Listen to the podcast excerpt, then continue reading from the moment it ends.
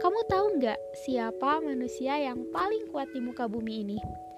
Dia adalah orang yang menyiapkan diri untuk menerima kepahitan dari apa yang paling dia benci dari hidupnya.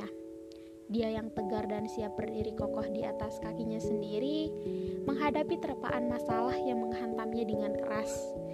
Ia tidak lari, menikmati dengan tabah dan taat, serta menerima dengan keikhlasan yang paling indah.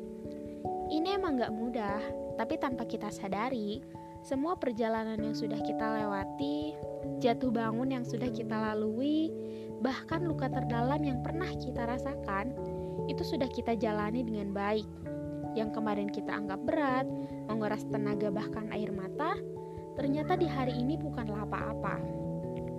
Sadar nggak sih, ketika kita dapat ujian dan kita bisa menerima ujian itu dengan hati yang paling tulus, maka akan ada hati yang selalu mengajak kita untuk berserah.